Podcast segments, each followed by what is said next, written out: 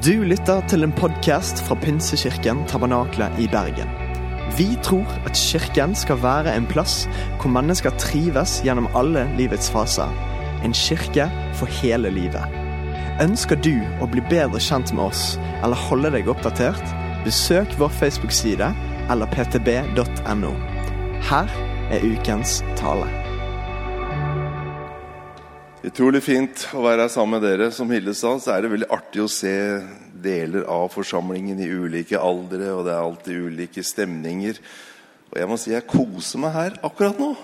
Det er utrolig deilig, altså. Men jeg skal prøve å ikke la det gå utover lengden på talen. Så, men jeg skal uh, snakke med dere om uh, noe som jeg har kalt for fire tanker for et stort liv. Uh, jeg begynner etter hvert å skjønne at jeg har levd ganske lenge og fått være med på en del ting. Og livet har bydd på masse gleder og noen vanskeligheter. Så det er riktig som du nevnte. Det, det er særlig den ene boken som jeg har skrevet som heter 'Hjemmeseier'. Eh, hvis du liker det du hører i dag, så kan det være at det kunne være en idé å ta med seg den hjem. Eh, der har jeg delt alle, mange av disse tankene som jeg har lært meg gjennom livet, og som jeg bruker i min profesjon som veileder eh, og i arbeidet med mennesker i det hele tatt. Jeg tror den kan forvandle livet ditt. I alle fall har jeg hørt mange har fortalt det. Og senest nå i går var det vel, så traff jeg et par som eh, kjøpte den på et kurs jeg hadde her for eh, noen år siden.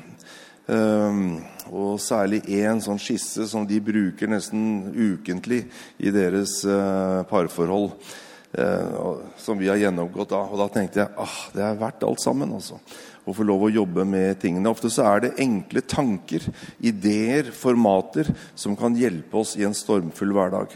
Så for meg så, Jeg elsker jo å tale for alle mennesker, men drømmen min er å tale for unge. Eh, jeg er ikke så flink med barn, men eh, det å få jobbe med unge som eh, forhåpentligvis har hele livet foran seg, det er noe av det mest meningsfulle jeg kan gjøre. Så i kveld så har jeg lyst til å dele med deg disse fire ideene for et stort liv.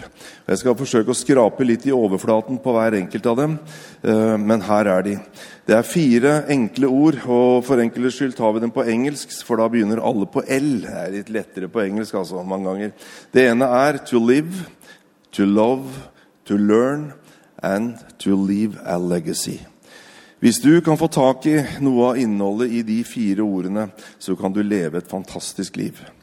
Eh, det vi vet, det er at livet er kort. Livet er altfor verdifullt til å brukes opp på uvesentlige ting og tilfeldigheter. Og kanskje du tenker at du har hele evigheten foran deg. Det, det trodde jeg faktisk. Eh, ikke sånn intellektuelt, da, for så dum er jeg ikke. Men, men, at du på en måte har, du lever evig, på en måte. Så Jeg kan huske Da jeg var 20-21 år, så tenkte jeg liksom Det er jo lenge til. Jeg trenger ikke å tenke på noen pensjon og sånn. Det har jeg faktisk begynt å tenke på nå, når jeg er 60. Og det er litt seint.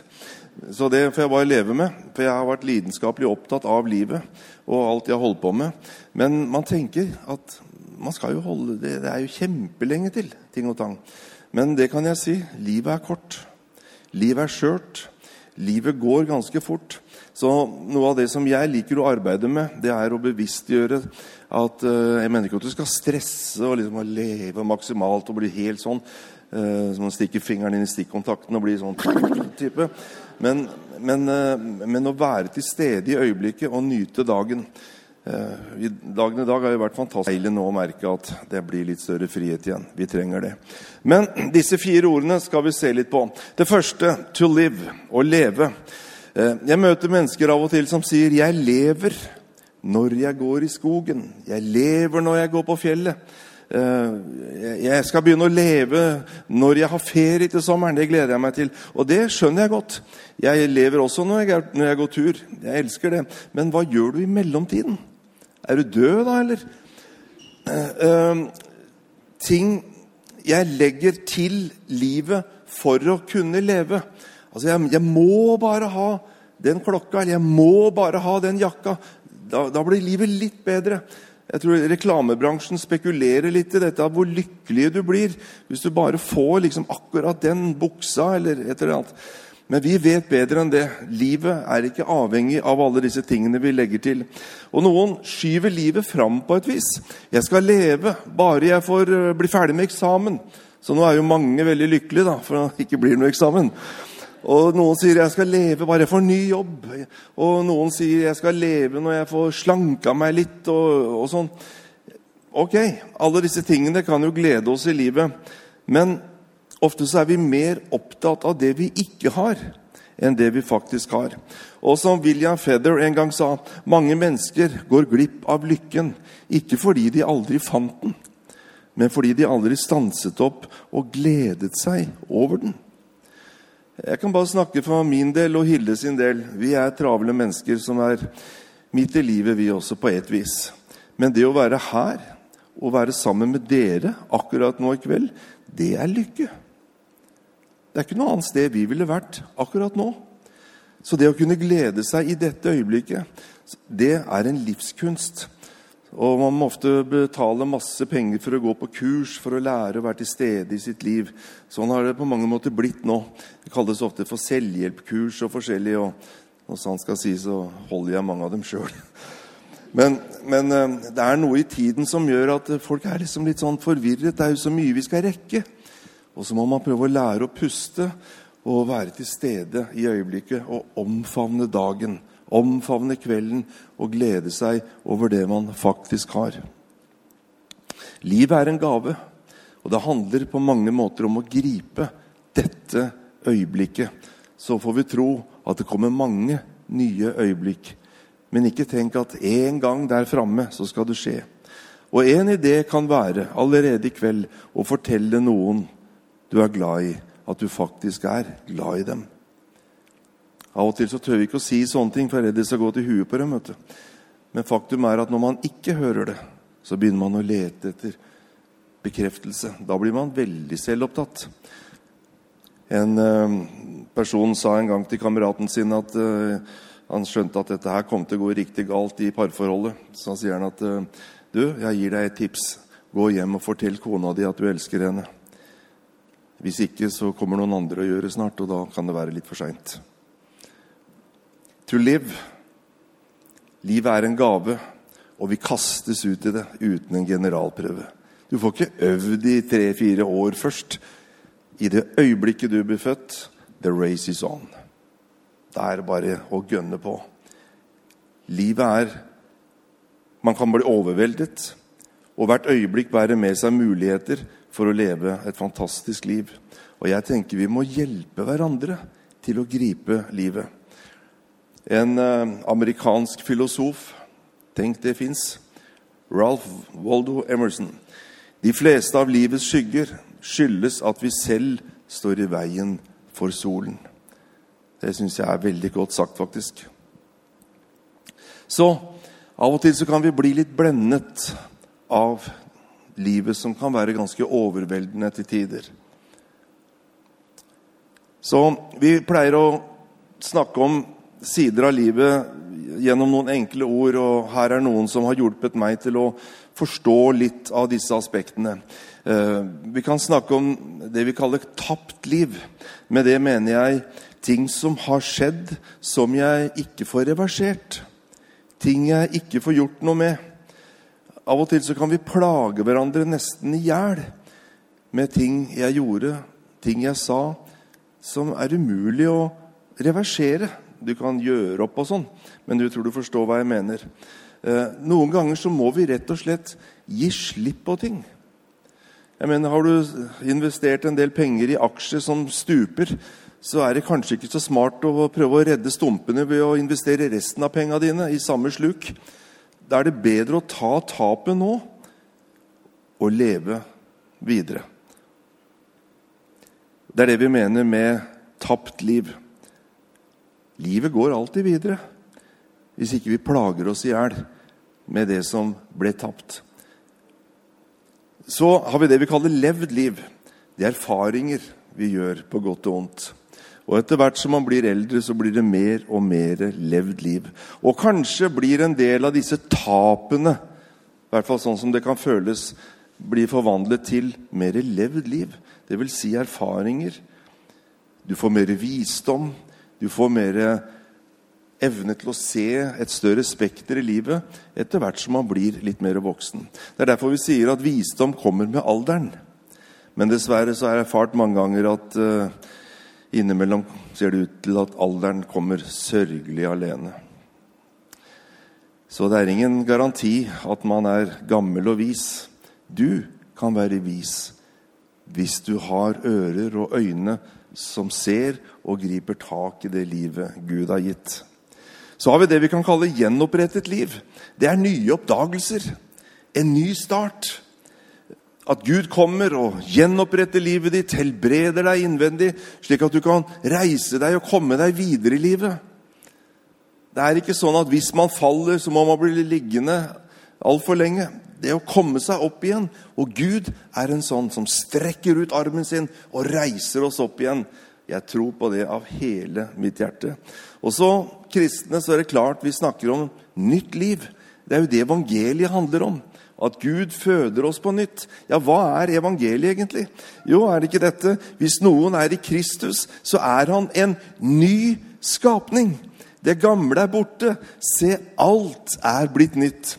Så det å få lov å nesten være som en nyfødt, tenke som en nyfødt Jeg vet ikke om en nyfødt tenker så mye, men i alle fall få en ny start på livet, det er fantastisk. Og Jeg har sett det miraklet mange ganger i menneskers liv som kanskje føler at de har levd et dårlig liv. Jeg var sammen med evangeliesenterfolk på, på, på torsdag og hadde et ledeseminar for dem. Og mange herlige historier hørte jeg gjennom folk som kunne nesten si 'Jeg var død, men se, jeg lever'. Jeg har fått et nytt liv. Jeg har gått fra døden til livet. Disse sterke vitnesbyrdene med folk som har vært ligget under for rus f.eks. og har klart å komme seg ut av det gjennom kraften i evangeliet og fått en ny start. Og en av dem som heter Stian Ludvigsen. Eh, foreldrene hans de går i menigheten vår. Og Jeg snakket med dem en gang her og sa du skulle bare visst hvor bekymra vi har vært for Stian. For Stian var jo helt håpløs, han. vet du. Men det, jeg kjente jo ikke han på den tida der. Jeg bare hørte han da jeg var pastor i Philadelphia. Han skulle holde en preken, for evangeliesenteret var der, og han skulle preke. Det er jo en standup-komiker. Det er fantastisk artig å høre på han. Så ildfull, og lever nå av å jobbe for evangeliesentrene. En ny start. Så foreldrene er nok ikke så bekymra lenger. Det er evangeliet. Man kan starte med blanke ark og nærmest uansett fortid leve et fantastisk liv. Det er en side ved Guds uforanderlige natur å gjøre noe nytt. Jesus forandrer seg aldri. Han er i går og i dag til evig tid den samme. Men vi vil trenge hele evigheten for å utforske Han og oppdage Ham. Jeg vil si at enhver sann åndelig opplevelse er at vi oppdager Jesus på nytt igjen. Ser nye sider av ham. Han er mye større enn vi ofte tenker. Derfor så står det i profeten Jesaja.: Se, nå skaper jeg noe nytt. Merker dere det ikke? Det spirer allerede fram. Det betyr at du kan leve i en fornyelse og en forfriskning hver eneste dag. Det er ikke sånn at Gud går tom og tenker nå gønna jeg på med alle velsignelser de forrige årene, så nå har jeg ikke så mye mer igjen til deg. Han er rik nok for alle som påkaller ham. Og det har jeg merket etter hvert som jeg blir eldre. Så det er klart kroppen trenger litt mer eh, tid til restitusjon og alt sånt. Det skjønner jo alle. Men i dag kan jeg si at jeg er kanskje mer vital enn noen gang og forventningsfull til hva Gud skal gjøre. Jeg har mange skuffelser i livet. Jeg har virkelig trodd flere ganger at nå braker det løs i landet her. Nå, nå, skjer det, dette som jeg har drømt om. Og så glir det tilbake igjen. Så hvis jeg skulle tenke på det, så vet jeg ikke om jeg hadde orka å vært pastor og forkynner og sånn. Men jeg en, har en sånn tro inni meg på at Gud gjør noe nytt i landet vårt. Og én ting kan jeg si. At um, det som vi har vært igjennom nå de siste to årene Jeg tenker ikke at Gud står bak det og er ikke på det sporet der. Men én ting vet jeg, at når noe så globalt skjer, da har Gud noe på gang. Og det er mange som, som lever sterkt i forbønn, som sier det samme. Når noe som ryster en hel verden på den måten her, skjer så fort, og verden endrer seg så fort Den har endret seg mer på to år enn vi nesten kunne ane. Gud har et svar. Jeg er veldig spent på hva som ligger foran oss. Jeg vet ikke hva, men jeg ønsker å være klar. Gud gjør noe nytt. Så er det det tredje ordet, to love, å elske. Um, for alle mennesker er som gresset og all deres prakt som blomsten i gresset. Gresset visner og blomsten visner av. Det er på en måte mennesket. Livet er kort, livet er skjørt. Men det er noe som er evig, og det er Guds ord. Det må jeg si kanskje er den største lidenskapen i livet mitt. Det er å få arbeide med Bibelen, Guds ord, og forkynne det og snakke om dette på den måten jeg er i stand til, da, sånn som jeg gjør med dere i kveld. For vi snakker nå om noe evig. Det er noe livsforvandlende. Noe som ikke går ut på dato. Eh, vi abonnerer på et par-tre aviser hjemme. Det syns jeg er viktig å følge med. Men det jeg legger merke til, er at når den avisen er en dag gammel, så er den ikke verdt noe mer, egentlig. Det kan være en og annen artikkel kanskje, som jeg prøver å Nå driver jeg ikke og klipper ut mer, sånn som jeg gjorde før. Nå tar jeg et bilde. så har jeg, ja, du vet. Men vi hiver dem. Det er ikke noe å ha det, det går ut på dato. Det er ferskvare på et vis. Men Skriften, Bibelen, Guds ord, det er toppaktuelt også i dag. Det er veldig fascinerende. Det er jo grunnen det som samler oss her på et vis. Dypest sett Gud har talt. Så Jesus ble en gang spurt av en lovlærd. 'Mester, hva er det viktigste i loven?' Hvis vi skal oversette det til godt moderne norsk, så vil det antageligvis være hva betyr mest i kristendommen? Og jeg er sikker på at Hvis vi spør en forsamling, så vil det komme mange forskjellige svar om hva de føler er viktigst. Men her er svaret Jesus ga. Du skal elske Herren din Gud av hele ditt hjerte og av hele din sjel og av all din forstand. Dette er det første og største bud. Og så legger han til men et annet er like stort. Du skal elske din neste som deg selv. På disse to bud hviler loven og profetene. Jeg vet ikke hvordan det er med deg, men jeg får nesten lyst til å sette meg ned og hvile sammen med disse to budene. På disse to budene hviler loven og profetene. De stresset jo disse gamletestamentlige profetene og fariseerne og skriftlærde med alt som skulle holdes, og alle budene. Så kommer Jesus, som var det inkarnerte Guds ord, og demonstrerer hva kristendom er. Han demonstrerer hva ekte kjærlighet er.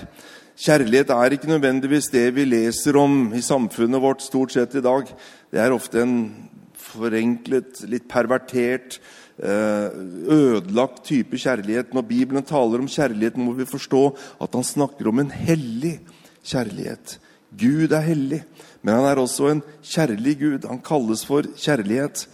Og essensen i evangeliet, hvorfor Jesus kom, hvorfor han gjorde det han gjorde Alt er drevet av kjærlighet. Hvorfor han ble født inn i denne verden, hvorfor han levde det livet som du og jeg aldri ville klare å leve i vår egen kraft. Det levde Jesus og døde på korset og kunne si det er fullbrakt. Han levde det livet som ingen av oss ville klare å leve, og oppfylte lovens krav til punkt og prikke. Så jeg gidder ikke å prøve på det engang. Jeg er 2000 år for seint ute for å prøve å matche det der. Men til gjengjeld så kan vi leve i hans kjærlighet og leve i oppfyllelsen av dette. Så kristendom, enkelt sagt, kan vi si, det handler om å elske Gud og elske mennesker. Og For å kunne leve i det så må vi ta imot det budskapet at du og jeg er elsket. Det er lett å si at Gud elsket verden, men mange av oss kan slite med at Elsker han meg, da? Hvis han bare vet hva slags tanker jeg kan ha av og til.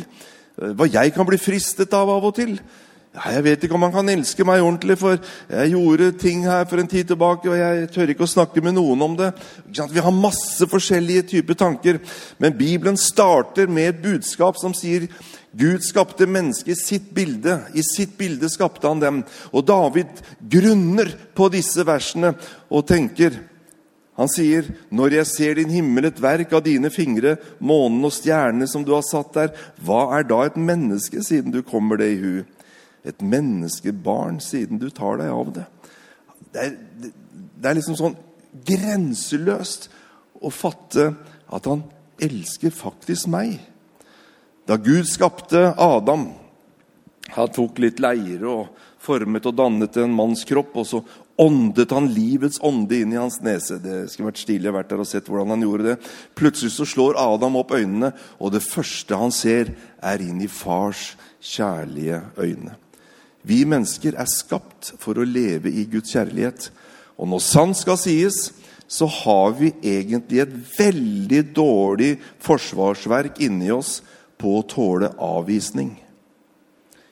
Vi sliter med disse tingene, de fleste mennesker, fordi vi er ikke skapt for hat, for å bli avvist, redusert.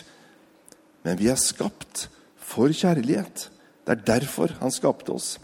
Slik at når Jesus skal forklare oss hva evangeliet er, så skriver han tre forskjellige lignelser i Lukas det 15. kapittel. Vi går ikke inn i dybden av det nå, men her får du essensen på ett minutt. Det er tre lignelser. Det er lignelsen om den bortkomne sauen, den tapte mynten og den bortkomne sønn. Hva har de lignelsene til felles? For her vil han nemlig forklare hva evangeliet er. Her er dem. Det første var at noe var kommet bort. Disse menneskene her betydde visst ikke noe for fariseerne, for de bare hakket på dem og la nye bud på. Men de betyr uendelig mye for min far i himmelen, sa Jesus. Noe var mistet, og noe betydde noe på en følelsesmessig måte. Han var engasjert i dem, han elsket dem. Det var verdt å forlate alt for å finne denne ene. Han kunne jo sagt 'jeg har 99 sauer, det får holde', men han forlot dem. Og så begynte han å lete på farlige steder etter den ene sauen som hadde dette utfor en skrent og osv. Og, og så kommer han tilbake med sauen på ryggen. Du ser bildet foran deg. Og så får han sauen tilbake. Så høyt elsker Gud verden at han ga seg selv. Det var verdt å forlate alt. Han forlot himmelens herlighet for at du og jeg ikke skulle gå fortapt. Det er kjærlighet. Gud var villig til å ofre sin egen sønn, som aldri hadde gjort noe galt, for at du og jeg skulle slippe å gå fortapt. Det er kjærlighet. Og så var det gleden over å finne igjen den tapte mynten eller den tapte sauen eller den bortkomne sønn. Og det var verdt å feire. Derfor så står det og når den bortkomne sønn kom hjem igjen, så slaktet de gjøkalven, og det ble fest. Det står da begynte festen, og heldigvis så står det ingenting om at den festen er slutta. Poenget er at da Jesus møtte mennesker, så følte folk seg vel. Av og til så møter du mennesker som reduserer deg og får deg til å føle deg både ubetydelig og liten og elendig. Men Jesus, som er den helligste av de helligste, den reneste av de reneste Jeg mener Guds sønn, som har prøvet i alt, men uten synd. Det er forunderlig hvordan han kunne møte syndere uten at de følte seg elendig på den måten at de forsvant. Men det står toller og syndere holdt seg nær ham. står det. De ville høre ham. Så det må jo bety at det var godt å være der, og at han hadde et bra budskap. Ellers hadde du ikke vært der. Vi vet at folk handler ikke på det de vet, men de handler på det de føler at de vet om seg selv. Vi vet at Da Jesus møtte mennesker, så begynte folk å føle seg betydningsfulle. Men ikke på en sånn måte at de bare fortsatte å leve akkurat som før. F.eks. en mann som het Sakkeus. Han var en skikkelig kjeltring, en landsforræder. De hatet han. Nettopp han besøkte Jesus og sa i dag vil jeg komme hjem til deg. Og Fariseerne og de skriftlærde de sto rundt omkring og sa hvis dette var en profet, så hadde han visst at dette var en syndig mann. Jeg kan love deg at Jesus visste det. Men Jesus kommer inn setter seg og spiser med ham, som er et uttrykk i bibelsk sammenheng for den største anerkjennelse. Og Vi leser ingen steder i Bibelen hvor Jesus konfronterte hans synd. Det kan jo være han gjorde det, men det står i hvert fall ikke, så det kan ikke ha vært så veldig viktig. Men det som skjer, det er at Sakkeus da sier etter en liten stund Har jeg tatt for mye fra noen, skal de få firedobbelt tilbake. Halvdelen av det jeg eier, skal jeg gi til de fattige. Altså uten ord, bare ved å være sammen med Jesus, så ble hans liv forvandlet. Fordi han møtte det vi kan kalle kjærlighetens kraft i og gjennom Jesus Kristus. Og det er det livet du og jeg er kalt til å leve. Av og til så møter jeg en del mennesker som ikke har skjønt det helt. Og de er liksom sånn veldig grinete på liksom Guds ord sier eller der. Og så sier jeg til dem, men ser du hva som skjer med folk? De liker jo ikke å høre det. De blir helt eh, vettskremt av deg, sa jeg til en kar en gang. Og så sier vedkommende, ja, men jeg gjør det i kjærlighet, vet du. Akkurat. Det var veldig nydelig kjærlighet. Her er poenget. Når vi gjør ting i kjærlighet, så vil det frigjøre folks behov fra å beskytte seg. Det vil åpne for innflytelse du kommer med, om de forstår at du elsker dem. Og det vil føre til radikale forandringer, som Jesus opplevde mange ganger. Og jeg merket det selv. Det er ikke alltid nødvendig å konfrontere når de merker en kraft fra Gud.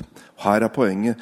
Når du konfronterer og gjør kjærlige handlinger, så må du omsette kjærlighet i handlinger som også dine medmennesker oppfatter som handlinger.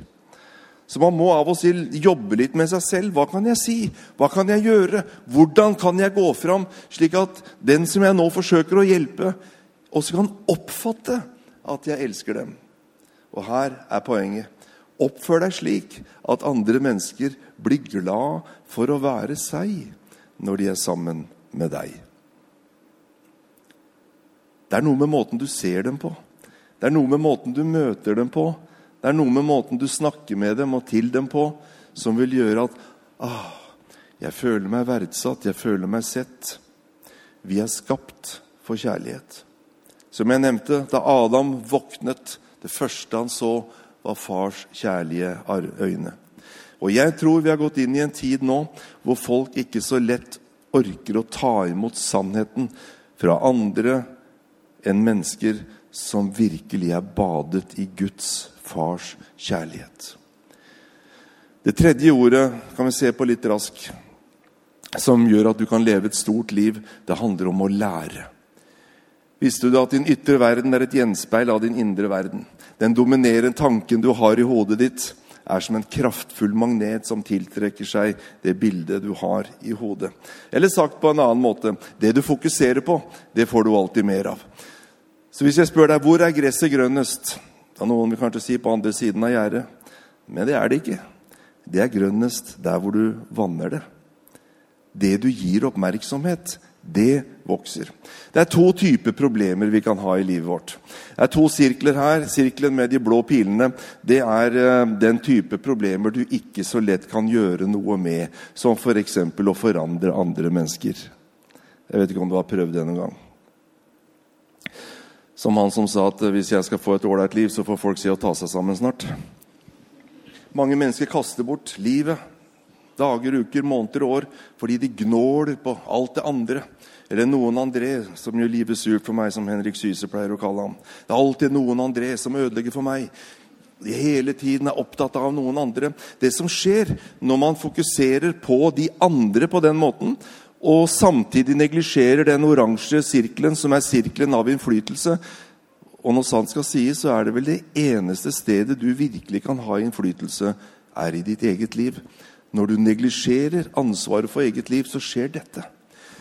De blå pilene, problemene omkring deg, de vokser, og så marginaliseres du opp i et hjørne til slutt. Til slutt så er det ingen som vil høre på deg hvis du bare hakker på de andre. Men hvis du derimot tar tak i ditt eget liv og tenker 'Hva kan jeg lære her? Hva kan jeg gjøre annerledes nå?' Hvordan kan jeg møte denne utfordringen på en annen måte? Det er jo disse tingene jeg steller med nå. Fordi eh, vi trenger å hjelpe hverandre til det. Når jeg tar ansvar for mine egne reaksjoner Som en har sagt, at når du forandrer ett element i en kjemisk formel, så forandres alt. Så det er ikke du som er skyld i alle problemer. det er ikke det vi snakker om. Men hvis du tenker 'jeg kan gjøre noe annet her', så skapes det en dynamikk. Det er en veldig veldig spennende tilnærming. Da skjer dette. At innflytelsen din vokser. De blå pilene som representerer problemer du ikke får gjort noe med, de blir aldri helt borte. Men de blir begrenset, og du øker kraften i livet ditt. Så spørsmålet er hva ønsker du mer av i livet? Hva er det du ønsker skal fylle deg og oppta deg? Og hvis du ønsker en forandring i livet, så er det i grunnen bare fire enkle ting du kan gjøre for å få til det. Og her er de. Enten så må du gjøre Eller for å si det på den måten Enten må du slutte med noe. Jeg mener Hvis du har en eller annen uvane, ting du driver med som du merker det saboterer deg, og så gjør du det igjen og så gjør du det igjen. Tenk om det bare var å slutte med det. Og så vil det være ting som du kanskje må begynne å gjøre. Ja, hadde jeg bare trent litt mer, eller hadde jeg bare gjort det? Og, ja, men hva med å begynne? Litt, i hvert fall. Så du er i gang. Så noe må vi slutte med, noe må vi begynne med, noe må vi gjøre mindre av, og noe må vi gjøre mer av. Det er enkelte ting i livet vi må gjøre mindre av. Kanskje vi holder på med det samme. Skal jeg gjøre et bord reint, f.eks., og så tar du en våt recruit, og så gjør du bordet reint, og så er jo det bordet antageligvis reint. da. Men hvis du har litt nevroser i tillegg, så tar du det en gang til. Nei, det er ikke ordentlig reint nå, eller? Tar du enda en gang? Og så begynner du å dampe med damp og greier for å få alle bakterier bort. Så er det under korona så er det mange som får helt dibbedutten av alle fryktelige tanker om hva som kan skje hvis jeg tar sånn. Men bordet er reint antakeligvis første gang. Hele hemmeligheten da, hvis du har dårlig tid, det er gjør mindre av det. Kanskje nøye deg med å vaske bordet én gang. Jeg er sikker på at du skjønner tegninga. Dette er egentlig den eneste oppskriften til en varig forandring av livet. Så hva må jeg slutte med som jeg gjør i dag, som saboterer meg mot å nå målene mine? Hva må jeg kanskje begynne å gjøre for å være på vei dit jeg ønsker? Og hva må jeg gjøre mindre av og hva må jeg gjøre mer av? Jeg er helt sikker på at du har lagt merke til noe som fungerer bra i livet ditt. Hva med å øke litt mer av det, og se hva som skjer? Og så den siste L-en, to leave a legacy. Her er et veldig viktig spørsmål. Selv stiller jeg meg det spørsmålet mange ganger hver eneste uke i en eller annen form. Man kan stille det på litt forskjellige måter, men her er en enkel måte å si det på. Hva ønsker du skal stå igjen etter deg når du har levd ditt liv?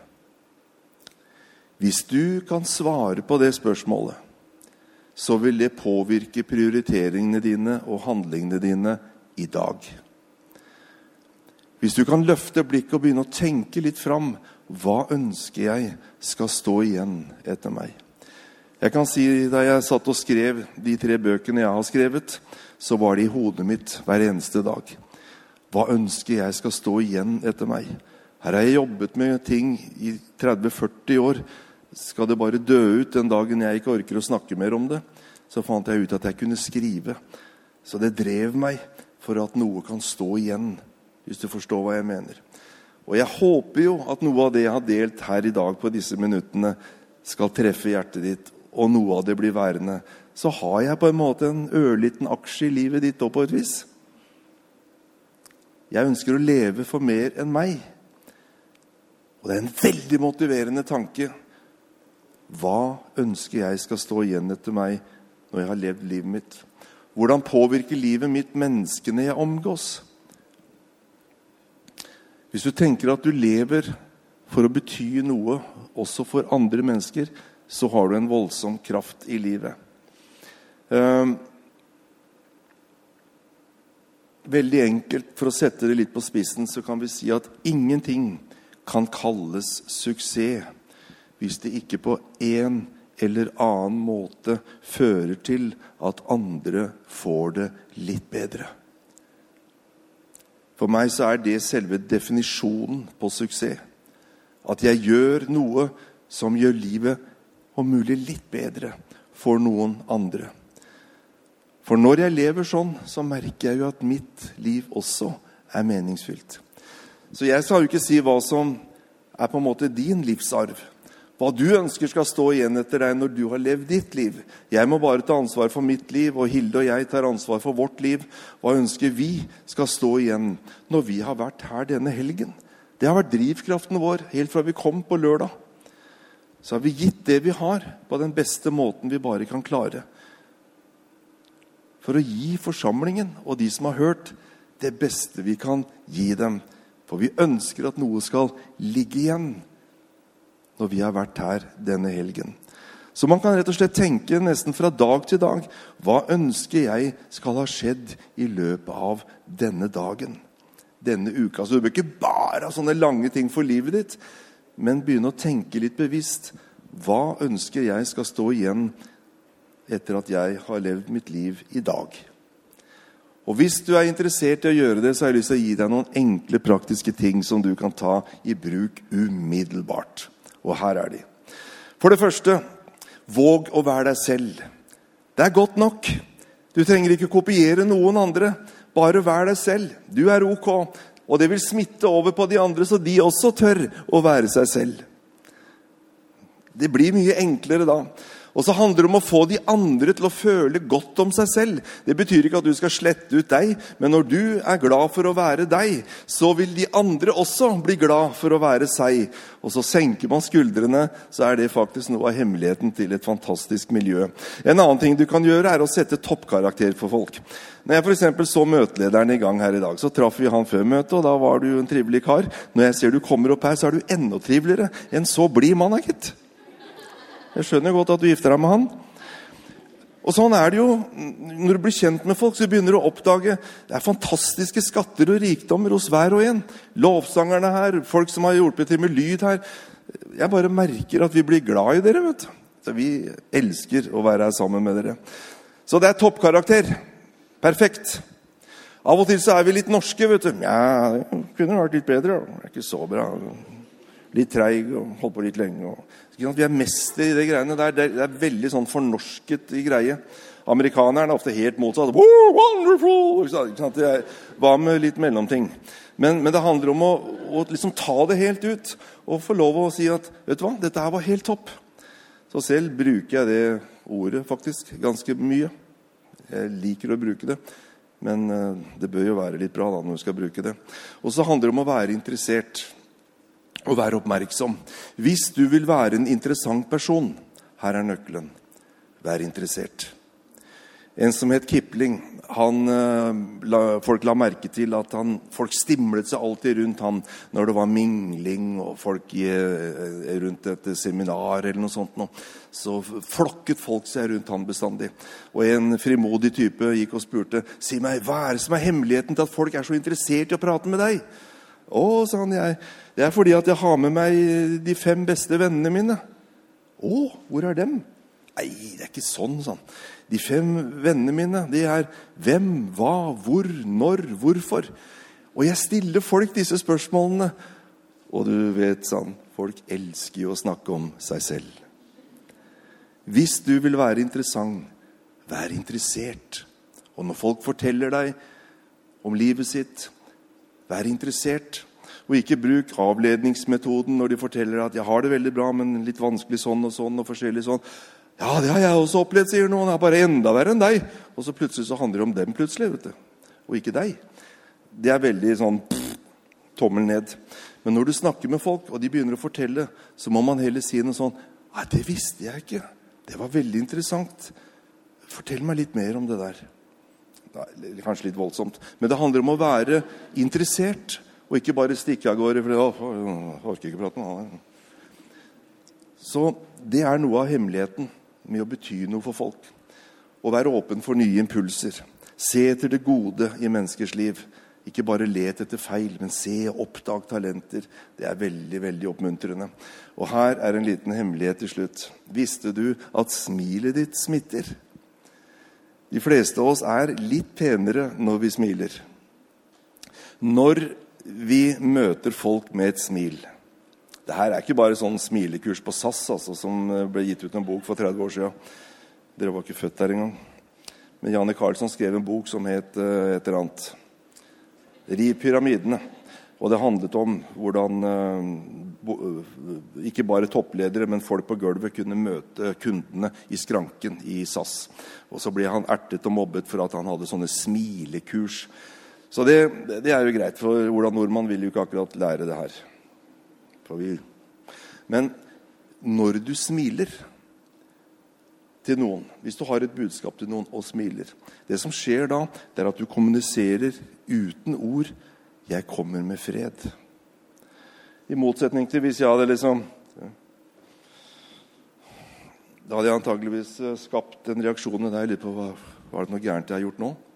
Men når du kommer med et smil, så kommuniserer du 'Jeg kommer med fred'. Og en annen ting Når du smiler til noen som du vil hilse på eller snakke med, så signaliserer du uten ord 'Jeg liker deg'.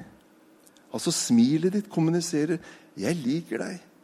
Og det er veldig godt for oss mennesker at noen liker oss. Så hvis du vil bety noe for andre, som vi har snakket om nå, to leave a legacy, så må du lære deg noen av disse tingene. For du, alle vi har dette i oss, men av og til glemmer vi det litt. Så det å tenke litt på hvordan jeg kan bety noe for andre Og det siste jeg vil minne om vær takknemlig og elsk livet. Det er altså så mye kraft i å være begeistret for noen ting. Det er nok av de tingene som trykker oss ned. Men jeg merker i starten her, bare dere skulle ha noen opplysninger, så jubler, jubler dere jo. Til og med menighetsmøte og årsbudsjett. Fortsett med det. Verden trenger noen som har entusiasme og glede i livet. Dere, Gud velsigne dere alle sammen. Dere har livet foran dere. Dere kan forandre verden ved at dere tar imot evangelisk kraft og lar dere forvandle av ham. Han elsker oss sånn og ønsker bare at vi skal leve maksimalt og nå vårt fulle potensial i ham. Gud har gitt hver og en av oss et stort potensial. Det er hans gave til oss.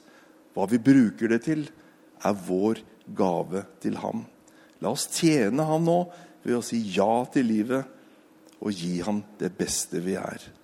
Gud velsigne dere alle sammen. Himmelske Far, jeg takker deg for at du elsker oss sånn, og at du har en plan for livene våre. Og vi ønsker bare å leve med deg og bli kjent med deg og bli mer oss selv også. Og kan ære deg gjennom våre liv og ikke være noen andre enn den beste utgaven av den du skapte oss til å være. Amen.